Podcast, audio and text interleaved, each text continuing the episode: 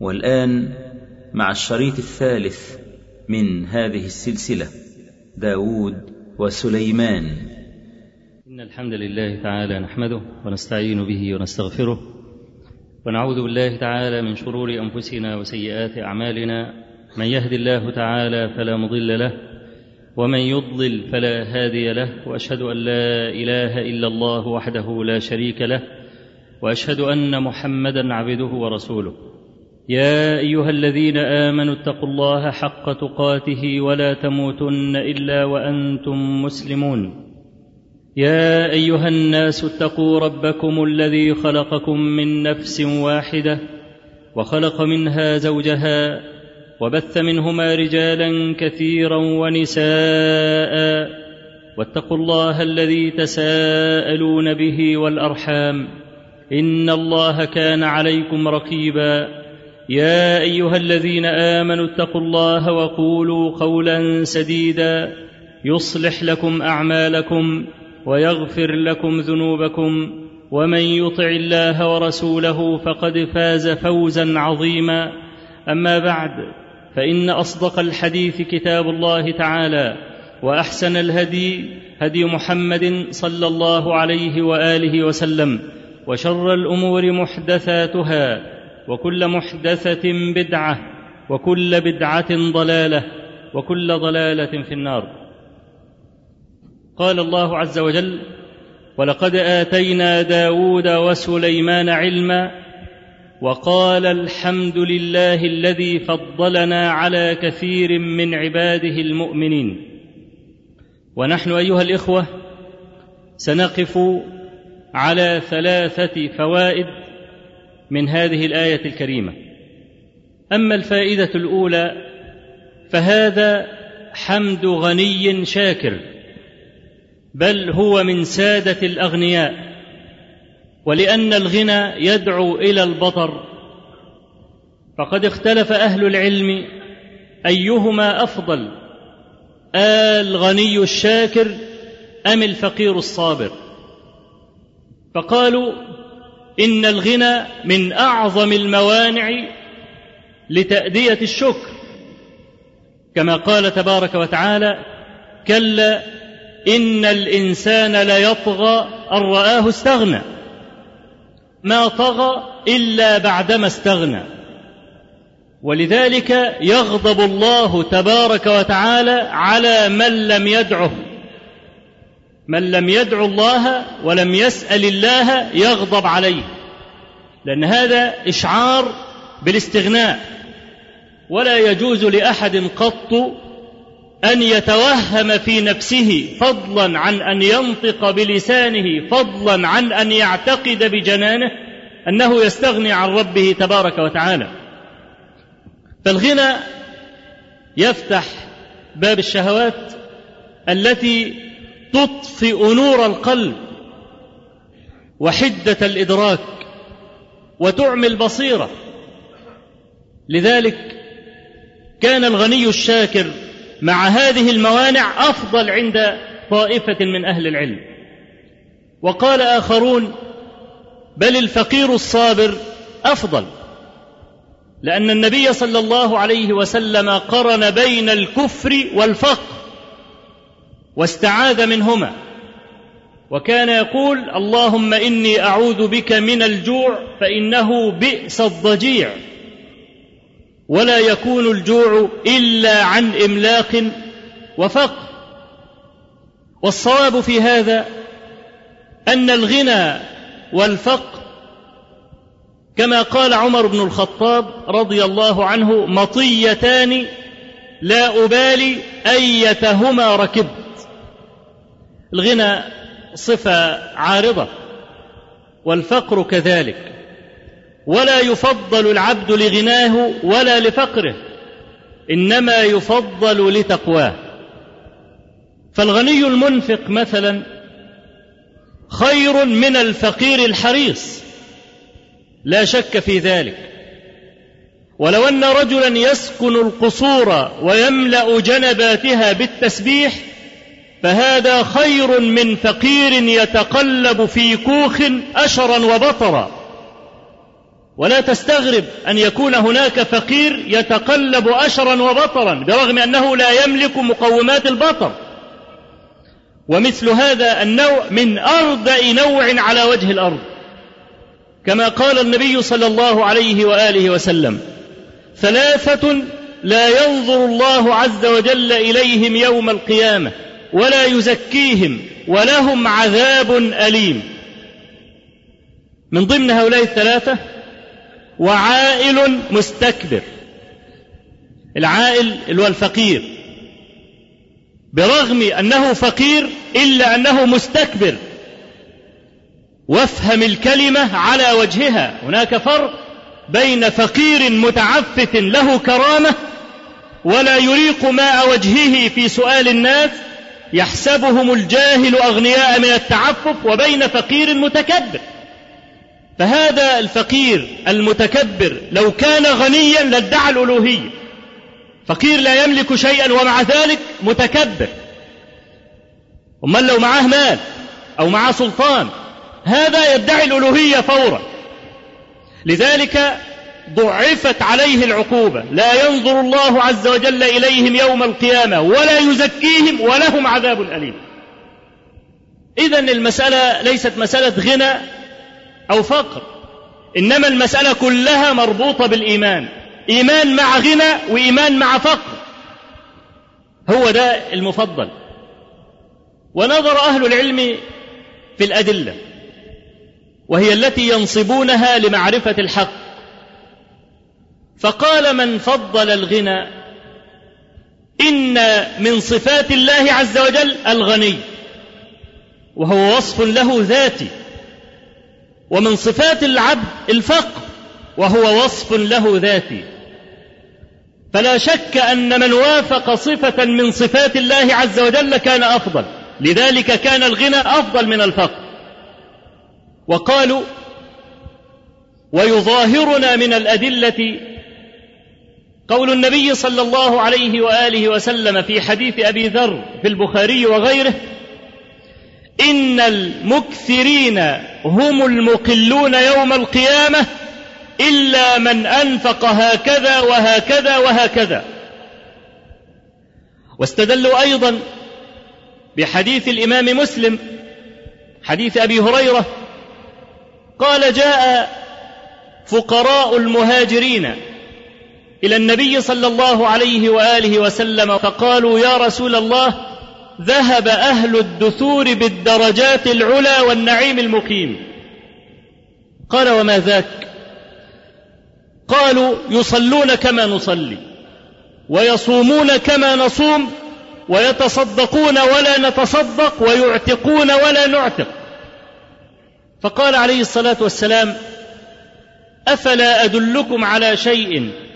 إن فعلتموه أدركتم من سبقكم وسبقتم من بعدكم إلا من صنع صنيعكم.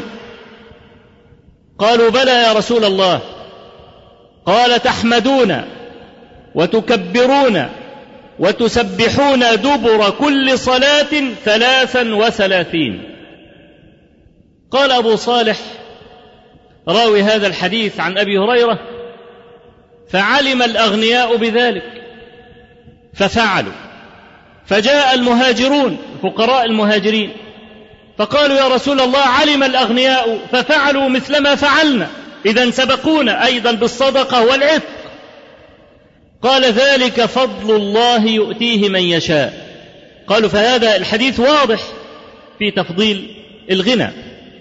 واحتجوا أيضا بما رواه الإمام أحمد وابن حبان والحاكم بسند صحيح عن عمرو بن العاص قال أرسل إلي النبي صلى الله عليه وسلم فقال خذ سلاحك وثيابك وأتني.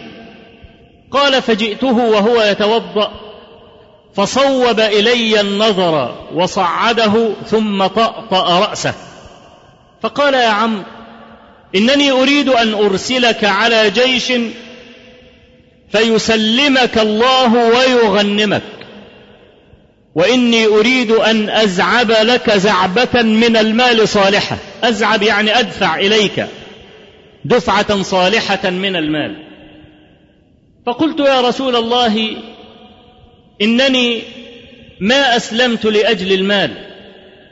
إنما أسلمت للكينونة معك.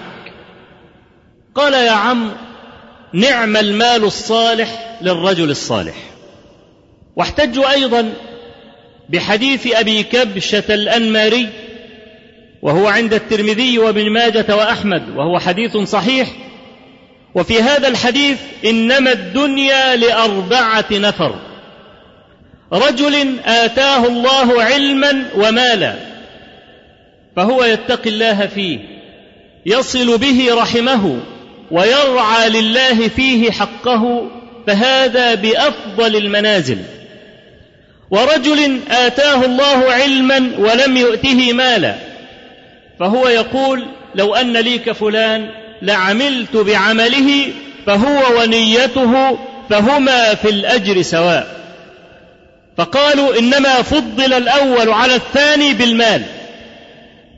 كلاهما اشترك في العلم ولكن الأول غني والثاني فقير فبدأ بالغني فهو وإن كان له في الأجر مثل الأول لكن الأول أفضل لأنه هو المقيس عليه على الأقل.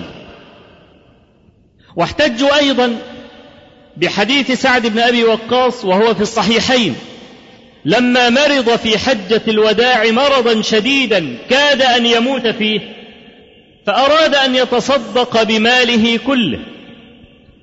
فقال له النبي صلى الله عليه وسلم إنك أن تذر ورثتك أغنياء خير من أن تذرهم عالة يتكففون الناس.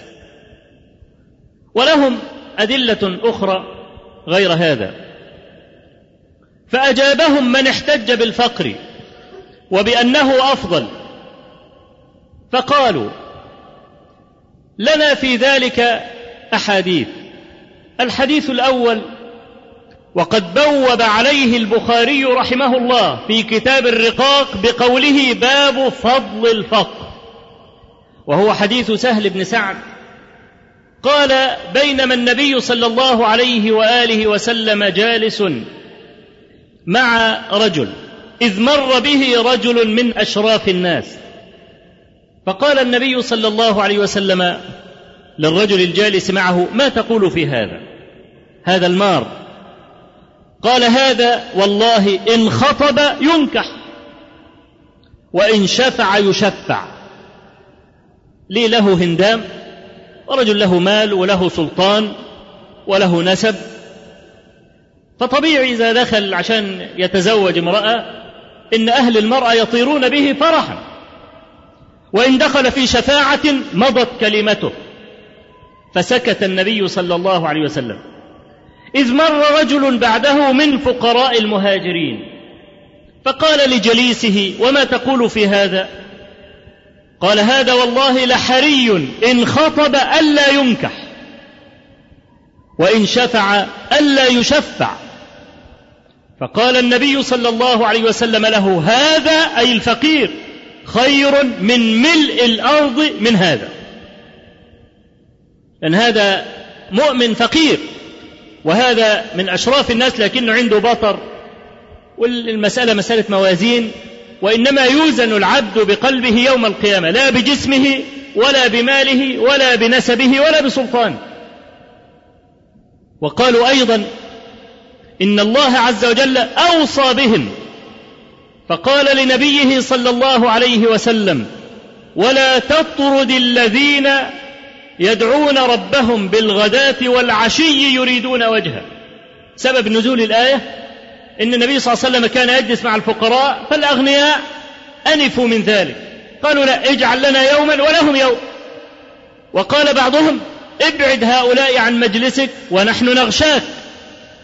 فقال الله عز وجل له ولا تطرد الذين يدعون ربهم بالغداة والعشي يريدون وجهه. وقال واصبر نفسك مع الذين يدعون ربهم بالغداة والعشي يريدون وجهه. قالوا ولأن البطر يكون مع الغنى فالفقير مستريح من هذا البطر ومن زينة الدنيا ولا سواء في عمل القلب لا سواء في عمل القلب. الغنى يفتح باب الشهوات التي مظنتها الهلكة وغضب الرحمن تبارك وتعالى. واعتبر بقوله عز وجل وإذا أردنا أن نهلك قرية أمرنا متر فيها ففسقوا فيها فحق عليها القول فدمرناها تدميرا. أمرنا مترفيها يعني كثرنا مترفيها يقال فرسه مأمورة أي كثيرة النتاج. ومنه قول موسى عليه السلام للخضر لما خرق السفينة قال له لقد جئت شيئا إمرا أي أتيت فسادا واسعا. أمرنا مترفيها يعني كثرناه. تحصل نوع بقى من المباراة. ده جاب سيارة أحدث سيارة الثاني يجيب سيارة أحسن منها ده بيتعشى في مطاعم خمس نجوم ده يتعشى في مطاعم عشر نجوم. ده بيشم الهواء في اسكندرية ده يروح يشم الهواء في ألمانيا. خلاص ويبقى لكل واحد من هؤلاء بطانة تنشر الأخبار. فهذا كله يدعو إلى البطر. ولذلك قال الله عز وجل اظهارا لحكمته البالغة في أن يكون في الناس غني وفقير. قال ولو بسط الله الرزق لعباده لبغوا في الأرض. دايما يستطيلوا على بعض.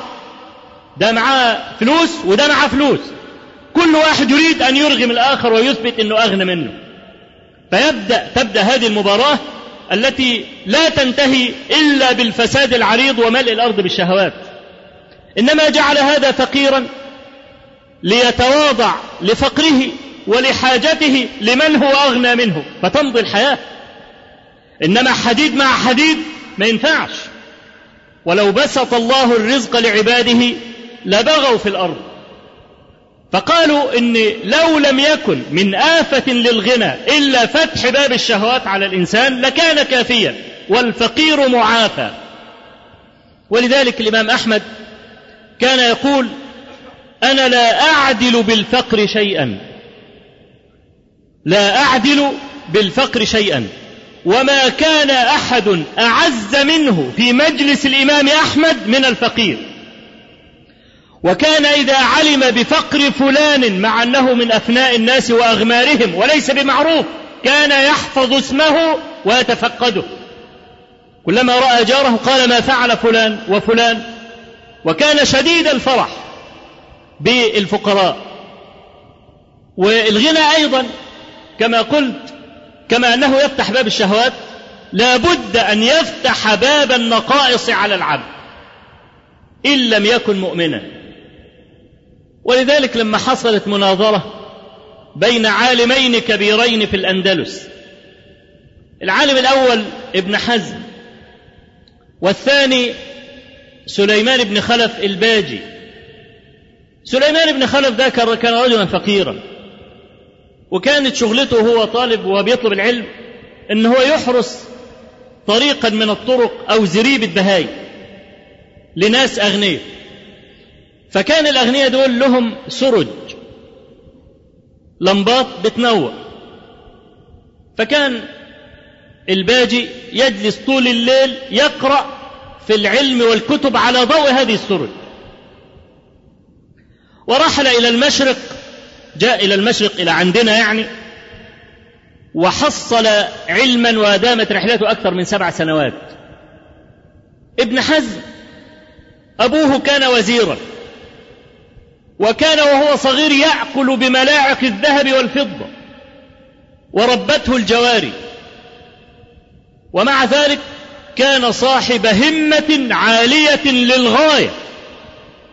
فلما حصلت بينهم مناظرات مرة ابن حزم يغلب ومرة الباجي يغلب فقال له الباجي في بعض المناظرات اعذرني فإنني كنت أطلب العلم على ضوء سراج الدرب. فقال له ابن حزم وأنت أيضا اعذرني فأنا كنت أطلب العلم على منائر الذهب والفضة. يريد ابن حزم أن يقول إن هذا أضيع للعلم. منائر الذهب والفضة أضيع للعلم فأنا بقى كوني كنت أطلب العلم على منائر الذهب والفضة ومع ذلك أنا عالم كبير قد كده. أمال أنا لو ما كانش فيه غنى يطغيني مثلا ولا يصدني كان زماني بقيت إيه؟ فكانت حجة ابن حزم فالجة لأن الإنسان الغني لا يطلب مكارم الأخلاق عادة وهو من أهل هذا البيت خل المكارم لا تسعى لبغيتها واقعد فإنك أنت الطاعم الكاسي طالما بتاكل وتشرب ليه تتعنى وتطلب العلم؟ تطلب مكارم الأخلاق وتكون رجل صاحب نجدة وصاحب شهامة؟ لا. واحتجوا بأحاديث أخرى منها حديث عبد الرحمن بن عوف لما ذكر حديث خباب بن الأرت لما ذكر فقره ولما مرض اكتوى أيضا أورد البخاري أيضا هذا الحديث في باب فضل الفقر والحقيقة يا إخوانا المسألة كما قلت أحتاج إلى تفصيل. لا يفضل الغني لغناه ولا الفقير لفقره. إن يكن غنيا أو فقيرا فالله أولى بهما. إنما يفضل كل إنسان بما عنده من الفضل وما عنده من الإيمان. ولذلك وجد في طائفة الأغنياء سادة وفي طائفة الفقراء سادة. فمن طائفة الأغنياء إبراهيم الخليل عليه السلام. كانت له مواشي حتى ضاقت الأرض بمواشيه. وأنتم تعلمون أن أول من ضيف الضيف هو إبراهيم عليه السلام. وما كان يأكل وحده لا بد أن يلتمس ضيفا إذا أراد أن يأكل. فإذا جاء الضيف ذبح له عجلا. ولا يكون هذا إلا عن غنى. وكذلك أيوب عليه السلام بعد بلائه وبعد فقره كان عنده أندران عظيمان. الأندر زي مخزن كبير جدا. وكان هذا الأندر واحد مملوء شعير وواحد مملوء قمح. فلما ابتلي بلاءه الطويل الذي دام ثمانية عشر عاما وفرغت هذه المخازن من الشعير ومن القمح أرسل الله عز وجل عليها ما ملأها ذهبا وفضة. ومع ذلك كان يغتسل يوما كما في الصحيحين من حديث أبي هريرة فخر عليه رجل من جراد الرجل اللي هو الطائفة من جراد من ذهب فجعل يحثو في حجره. فناداه ربه تبارك وتعالى يا أيوب أولم أكن أغنيتك؟ عندك مخزن مليان فضة ومخزن مليان ذهب. أولم أكن أغنيتك؟ قال يا رب لا غنى لي عن بركتك. فكان أيوب عليه السلام من الأغنياء وداود وسليمان أيضا من الأغنياء. ومن أولياء الله عثمان بن عفان الذي جهز جيش العسرة من جيبه. رجل واحد يجهز جيشا كاملا من جيبه. لذلك النبي عليه الصلاة والسلام نزل من على المنبر يومها وهو يضرب فخذه بيده ويقول ما على عثمان ما فعل بعد اليوم. وعندنا عبد الرحمن بن عوف ذاك المبارك الذي كان إذا تاجر في التراب ربح وكان التراب يتحول في يديه إلى مثل الذهب. وما مات عبد الرحمن إلا وكان عنده من الذهب ما يقطع بالفؤوس وأنتم تعلمون قدر عبد الرحمن بن عوف الذي قال فيه النبي صلى الله عليه وسلم مقالة عظيمة. لما اختصم هو وخالد بن الوليد يوما. تعرفين عبد الرحمن من المهاجرين الأوائل والمهاجرون الأوائل على رأس القائمة. وخالد بن الوليد تأخر إسلامه. حصل مشادة بين خالد بن الوليد وبين عبد الرحمن بن عوف كما في صحيح البخاري. فسب خالد عبد الرحمن. فشكى عبد الرحمن خالدا لرسول الله صلى الله عليه وسلم. فقال النبي صلى الله عليه وسلم لا تسبوا أصحابي فوالذي نفسي بيده لو أنفق أحدكم مثل أحد ذهبا ما بلغ مد أحدهم ولا نصيفة. الكلام ده النبي صلى الله عليه وسلم يقول لخالد لا تسبوا أصحابي. أمال خالد إيه؟ أليس صاحبه؟ هو صاحبه. لا شك في ذلك. لكن هذا الحديث معناه لا تسبوا أصحاب اللي هم خلص أصحابه. فهذا لفظ عام يراد به طائفة معينة.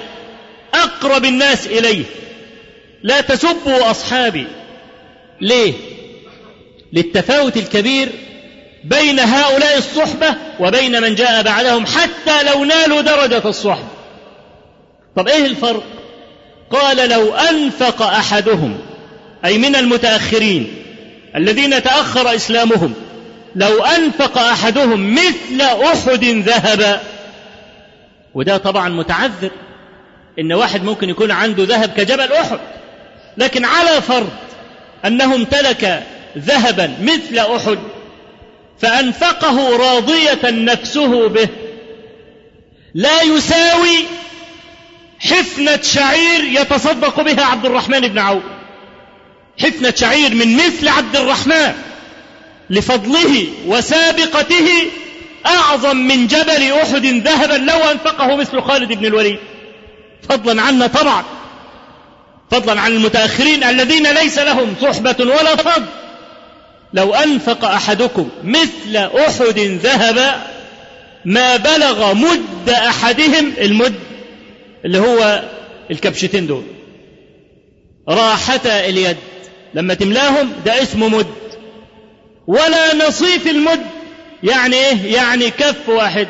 لو أنفق كفا واحدة من شعير يساوي ما ينفقه المتأخرون من الصحابة كجبل أحد ذهب.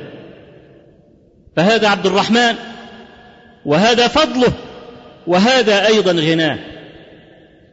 والفقراء على رأسهم عيسى عليه السلام ويحيى بن زكريا وأيضا منهم أبو ذر الغفاري وسلمان في طائفة. أما نبينا صلى الله عليه وآله وسلم فأحرز فضل الطائفتين جميعا. نال إحسان الأغنياء وصبر الفقراء. فكان مرة مملقا ليس عنده مال وكان مرة عنده المال الوفير.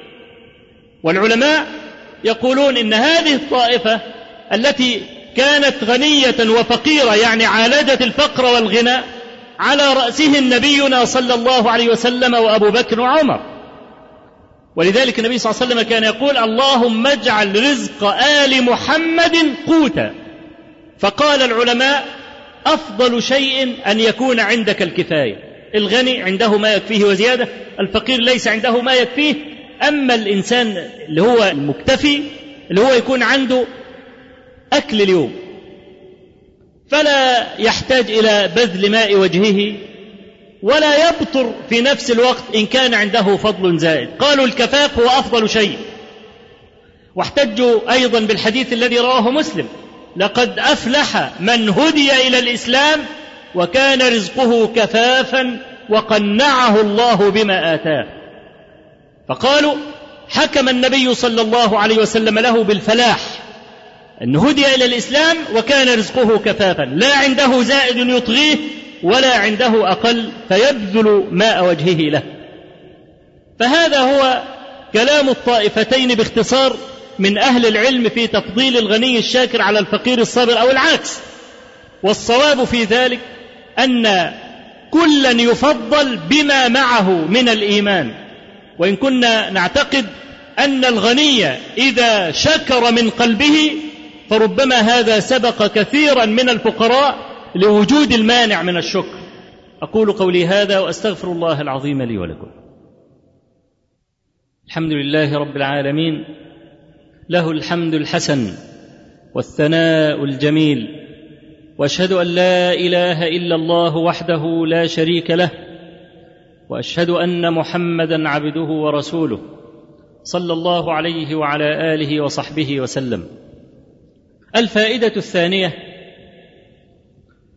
أن قول القائل الحمد لله قد بلغ أرفع درجات الشكر والحمد لله كلمة كل شاكر والفرق بين الحمد والشكر أن الحمد أعم فتعريف الحمد هو الثناء على الممدوح بصفاته وأفعاله في ذاته. سواء تقدم إحسانه أو لم يتقدم. أما الشكر فلا يكون إلا بعد حدوث إحسان. أنت بتشكر لأن فلان أولاك معروفا أو أحسن إليك بتشكره. إنما الحمد لا يشترط فيه سبق إحسان إنما هو ثناء. ثناء على الممدوح لما فيه من الصفات. ولذلك كان الأنبياء يلهجون بها. نوح عليه السلام أمره ربه تبارك وتعالى بعدما نجا هو ومن معه في الفلك فقال له وقل الحمد لله الذي نجانا من القوم الظالمين. وأمرنا الله عز وجل إذا أهلك الطغاة والمجرمين في الأرض أن نحمده على هذا الصنيع فقطع دابر القوم الذين ظلموا والحمد لله رب العالمين. إحنا عندنا سورة الفاتحه مبدوءة بهذا الحمد. الحمد لله رب العالمين. والله عز وجل حميد. وحميد أبلغ من محمود.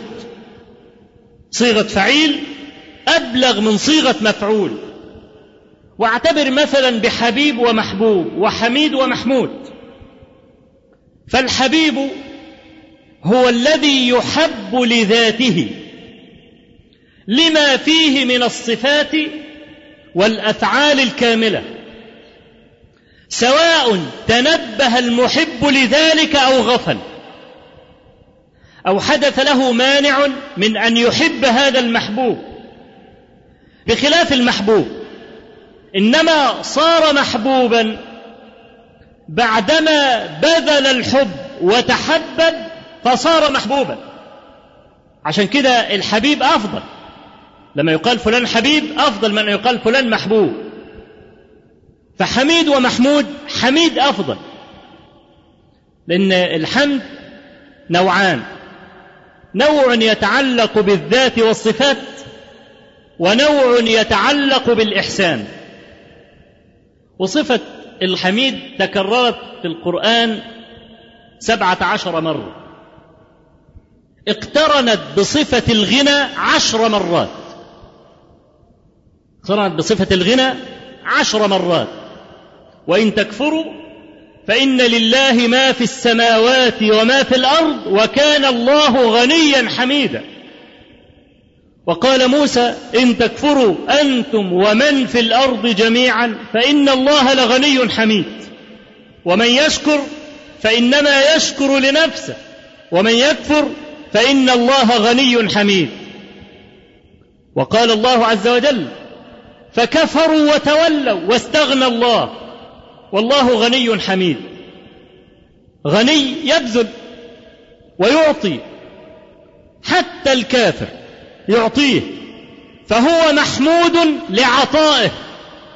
وهذا النوع من أنواع الحمد. وهو محمود لذاته لأنه قد يعطي العاصي ويمد له مع أن مقتضى الصفات في بني آدم إن العاصي يحرم ولا يعطى عقوبة له. والله عز وجل فحليم يا العاصي يعطيه وقد يتفضل عليه فيرقيه من العصيان إلى درجة الولاية فيكون من أولياء الله. وهذا لا يكون إلا بتمام الصفة. حليم غاية الحلم الذي ليس لحلمه منتهى. غني غاية. حديث أبي ذر لو أشرف حديث لأهل الشام يا عبادي إني حرمت الظلم على نفسي وجعلته بينكم محرما. فلا تظالموا في هذا الحديث.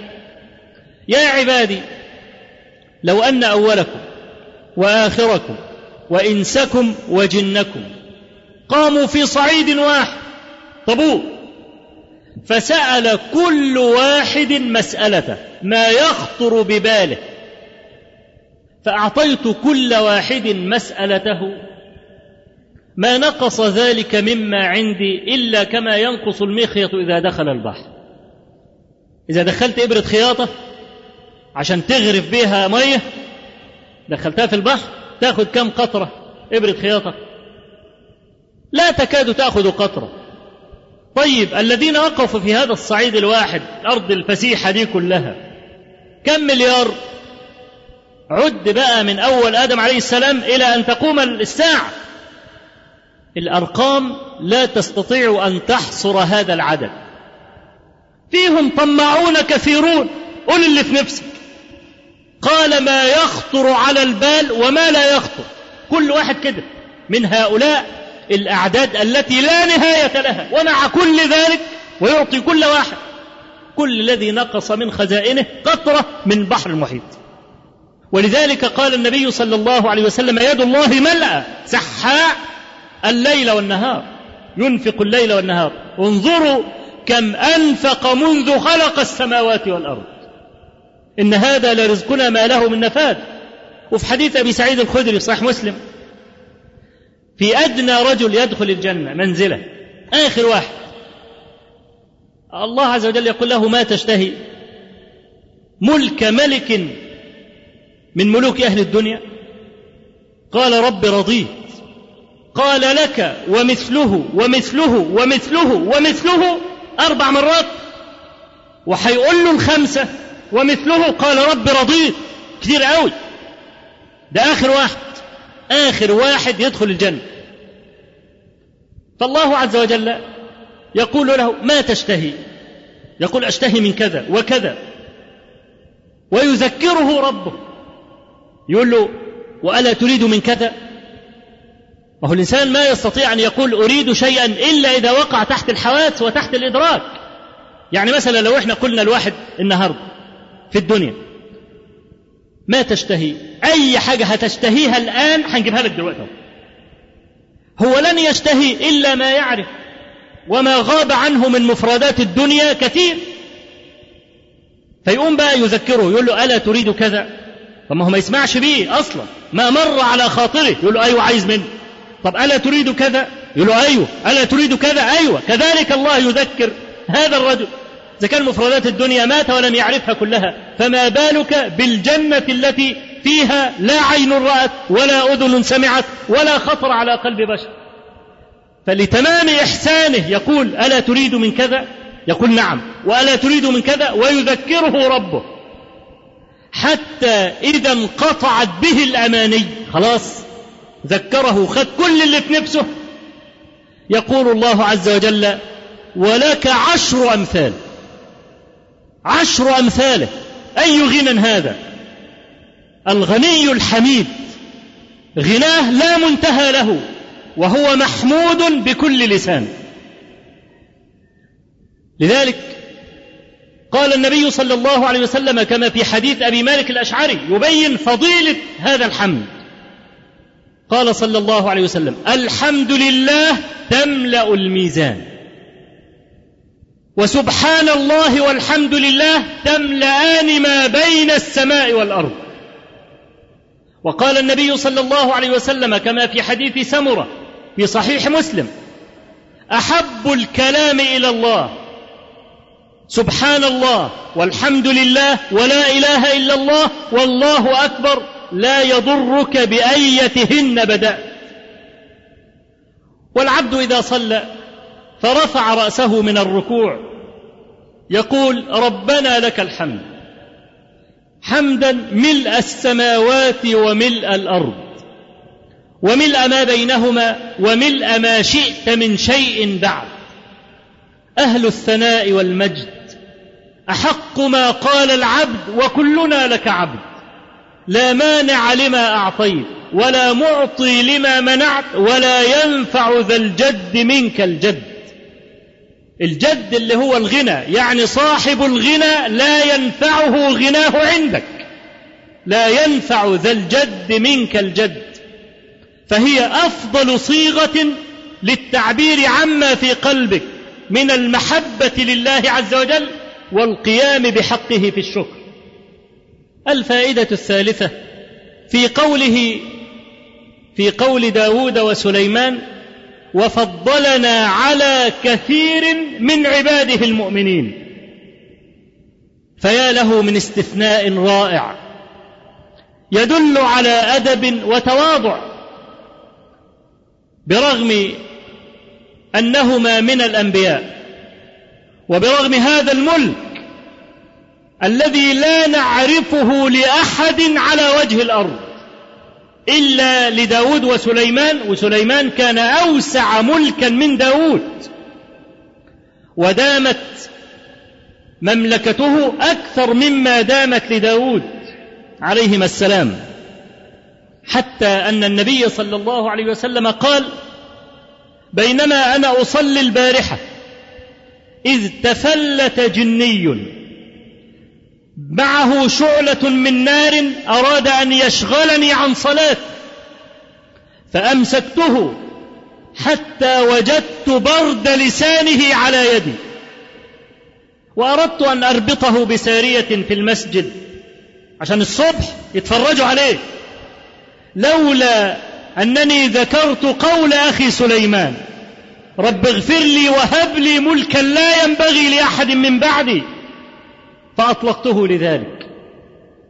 فيا له من أدب يا له من أدب حتى لا ينازع سليمان هذا الذي ليس لمخلوق غيره. أطلق الجني فبلغ من ملكه ومن عافيته في الملك هو كان يذعن له الجن والإنس والطير على نحو ما سنذكر إن شاء الله عز وجل بعد ذلك. فيقول مع هذا الملك ومع النبوة الذي فضلنا على كثير مما يدل على أنه يعترف أن هناك من هو أفضل منه. كم في الزوايا خبايا وكم في الناس بقايا. لا تحقرن أحدا. فإنك لا تدري قدره عند الله. رب أشعث أغبر ذي طمرين مدفوع بالأبواب لو أقسم على الله لأبره. وأنتم تعلمون أن الله عز وجل عاتب موسى عليه السلام أنه لم يستثني استثناء داود وسليمان. كما في الصحيحين من حديث أبي بن كعب في قصة موسى والخضر. قال النبي صلى الله عليه وسلم بينما موسى يذكر بني إسرائيل فذرفت العيون ووجلت القلوب إذ تبعه رجل فقال له يا كليم الله. أو قال يا نبي الله تعلم أحدا في الأرض هو أعلم منك؟ قال له لا. ولم يستثني لم يقل الله أعلم. فعتب الله عليه أنه لم يرجع العلم إليه. من في الدنيا يعرف فضل كل إنسان ولا شر كل إنسان في الدنيا؟ ما يعرف ذلك إلا رب العالمين. فلما يقال لك مثلا تعلم احدا في البلد أذكى منك لا تتورط وتقول أنا أذكى الناس. لأنك لا تدري ربما يطلع لك واحد باقعة كما حدث لداود الظاهري. وداود الظاهري ده كان عالما كبيرا جليلا من تلاميذ الإمام أحمد بن حنبل. فمرة هو جالس في المجلس بتاعه كان بيحضر المجلس بتاعه أربعمائة طيلسان. زي ما إحنا نقول كده 400 عمة. 400 عمة يعني إيه؟ يعني 400 عالم. العمة دي كناية عن العالم. كان داود الظاهري لما بيقعد في مجلس العلم بيحضر المجلس أربعمائة عالم فواحد كده لابس أسمالا بالية وهدوم مقطعة قام جاي قاعد جنبه. وقال له إذا كان عندك سؤال اسأل. يطلع مين ده؟ فداود نظر إليه وإلى أسماله البالية وإلى شكله الأغبر وأحب أن يستهزئ به. فقال له حدثنا في الحجامة. تعرف الحجامة؟ دي أصلا كانت مهنة يعني ممتهنة ويعني العلماء لهم بقى كلام في كراهة أجر الحجام. هل أجر الحجام يعني طيب ولا خبيث؟ على أقوال أهل العلم الراجح فيها الجواز وإن كانت الحجامة مهنة ممتهنة يعني. فهو عايز يقول له يعني قول لنا حاجة في الحجامة يا رخم. عايز يقول له كده يا حجام يعني. قال فبرك الرجل على ركبتيه وسرد أحاديث الحجامة كلها بأسانيدها وجعل يصحح ويضع ويجرح ويعدل ويذكر اختلاف العلماء واختلاف الطرق. وداود بن علي طبعا كل ما الرجل بيتكلم عينيه بتوسع. مش متخيل إن هذا البني آدم اللي في الاسمال البريئه ممكن يكون عنده هذا العلم كله. وبعدين ذكر كلام أهل العلم في الحجامة. ومن كره ومن لم يكره ومن أجاز ومن لم يجوز وأول من احتجم من بني آدم. يعني ما ترك شيئا في باب الحجامة إلا ذكره في هذا المجلس. قال داود فصغرت نفسي وعاهدتها ألا أحتقر بعده أحدا. أنت لا تدري فلان ده كم عنده من العلم فلان ده مرضي عليه ولا لا. فأربع أربع على نفسك ورد العلم إلى الله. فالله عز وجل عتب على موسى عليه السلام لما قال له القائل يا نبي الله تعلم أحدا هو أعلم منك؟ قال لا. فعتب الله عز وجل عليه أنه لم يرد العلم إليه وقال له كلا إن لي عبدا بمجمع البحرين هو أعلم منك. اللي هو الخضر. والقصة قصة موسى والخضر معروفة في القرآن في سورة الكهف. وأن موسى عليه السلام برغم فضله أنه أفضل من الخضر شد الرحلة ليتعلم من الخضر. الرحلة دي كلها كانت رحلة تأديب. فداود وسليمان عليه السلام بيحترزوا. فضلنا على كثير من عباده المؤمنين. وأذكر بهذه المناسبة حديث أويس القرني. وحديث أويس القرني رواه مسلم في صحيحه. لكنني لا أذكر سياق مسلم. إنما أذكر سياق الحاكم الذي رواه في المستدرك لأن فيه فائدة أريدها. أسير بن جابر راوي الحكاية دي بيقول إن كان عمر بن الخطاب إذا أتى أمداد من أهل اليمن يسأل أفيكم أحد من قرن؟ قرن دي قبيلة. فكل ما يجي ناس طوائف من أهل اليمن يسألهم حد من قرن؟ حتى جاءت قرن. قال فيكم أويس بن عامر. نعم. كيف حاله؟ قالوا تركناه رث البيت قليل المتاع. قال إني سمعت النبي صلى الله عليه وسلم يقول إن خير التابعين أويس بن عامر. القرني.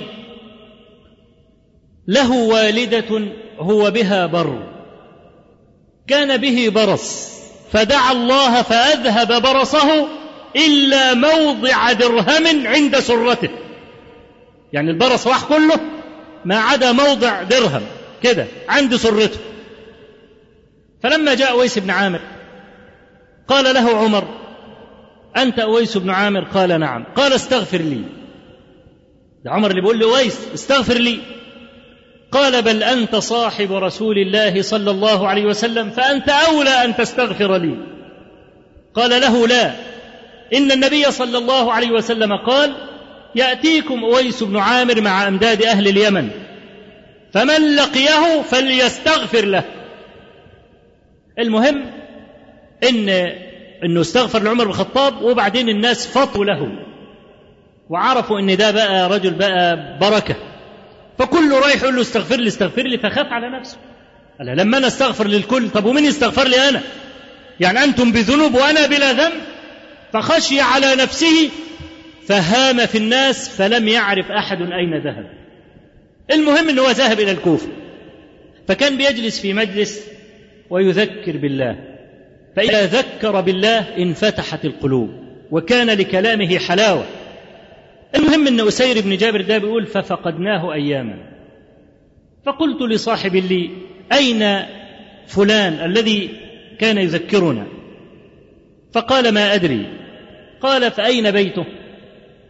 فأعلم لي على بيته فذهبت إليه. فقلت له يا أخي ما خلفك عنا؟ قال فقدت ثيابي. ليس عنده ثياب. قال فقذفت له بثوب لي فقذفه في وجهي. فتخاليته ساعة. يعني خليتني هو كده. إيه الموضوع؟ قال إنني لو لبست هذا لقال قومي خدع فلانا عن ثوبه. يعني ضحك على فلان وقعد بقى يتكلمه ويعظ لحد ما فلان رق قلبه قام واخد هدوم. فقال له فخذه وأنا سأنطلق معك لأسمع ما يقولون هو لبس الهدوم وأول ما ذهب إلى المجلس قالوا انظروا إلى هذا المرائي ترى من خدع. ضحك على مين وخد هدومه؟ فالتفت إلي وقال ألم أقل لك؟ قال فأقبلت عليهم. أقبل يعزمهم ويلومهم ألا تتركونه؟ قال وجاء رجل إلى عمر ممن كان يحتقر أويس القرني. فلما رجل من أشراف الناس يعني فلما وافى عمر فعمر بن الخطاب بيسأله عن أويس. قال له وما تصنع به؟ يطلع إيه اويس ده اللي أمير المؤمنين شخصيا بيسأل عنه. هو يطلع إيه ده؟ ده لا كنية له. قال له عمر فكلتك أمك ثلاث مرات أدركه الحاو فليستغفر لك.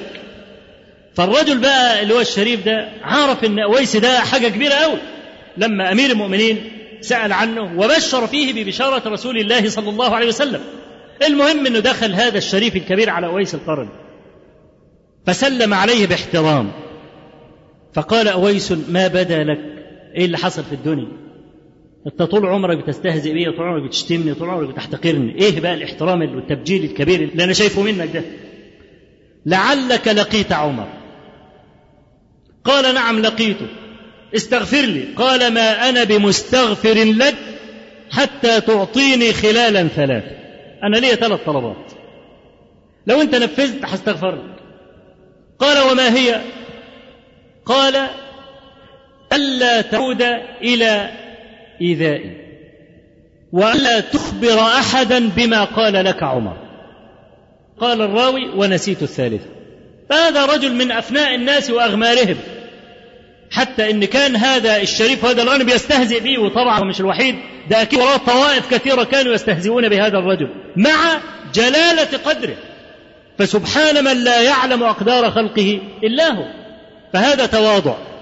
الحمد لله الذي فضلنا على كثير من عباده المؤمنين.